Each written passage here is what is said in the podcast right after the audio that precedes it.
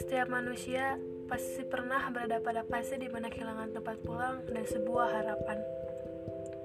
Bersama kami, ukiran aksara yang menangkai rasa menjadi kata yang bisa kalian dengar untuk dijadikan sebuah rumah ternyaman.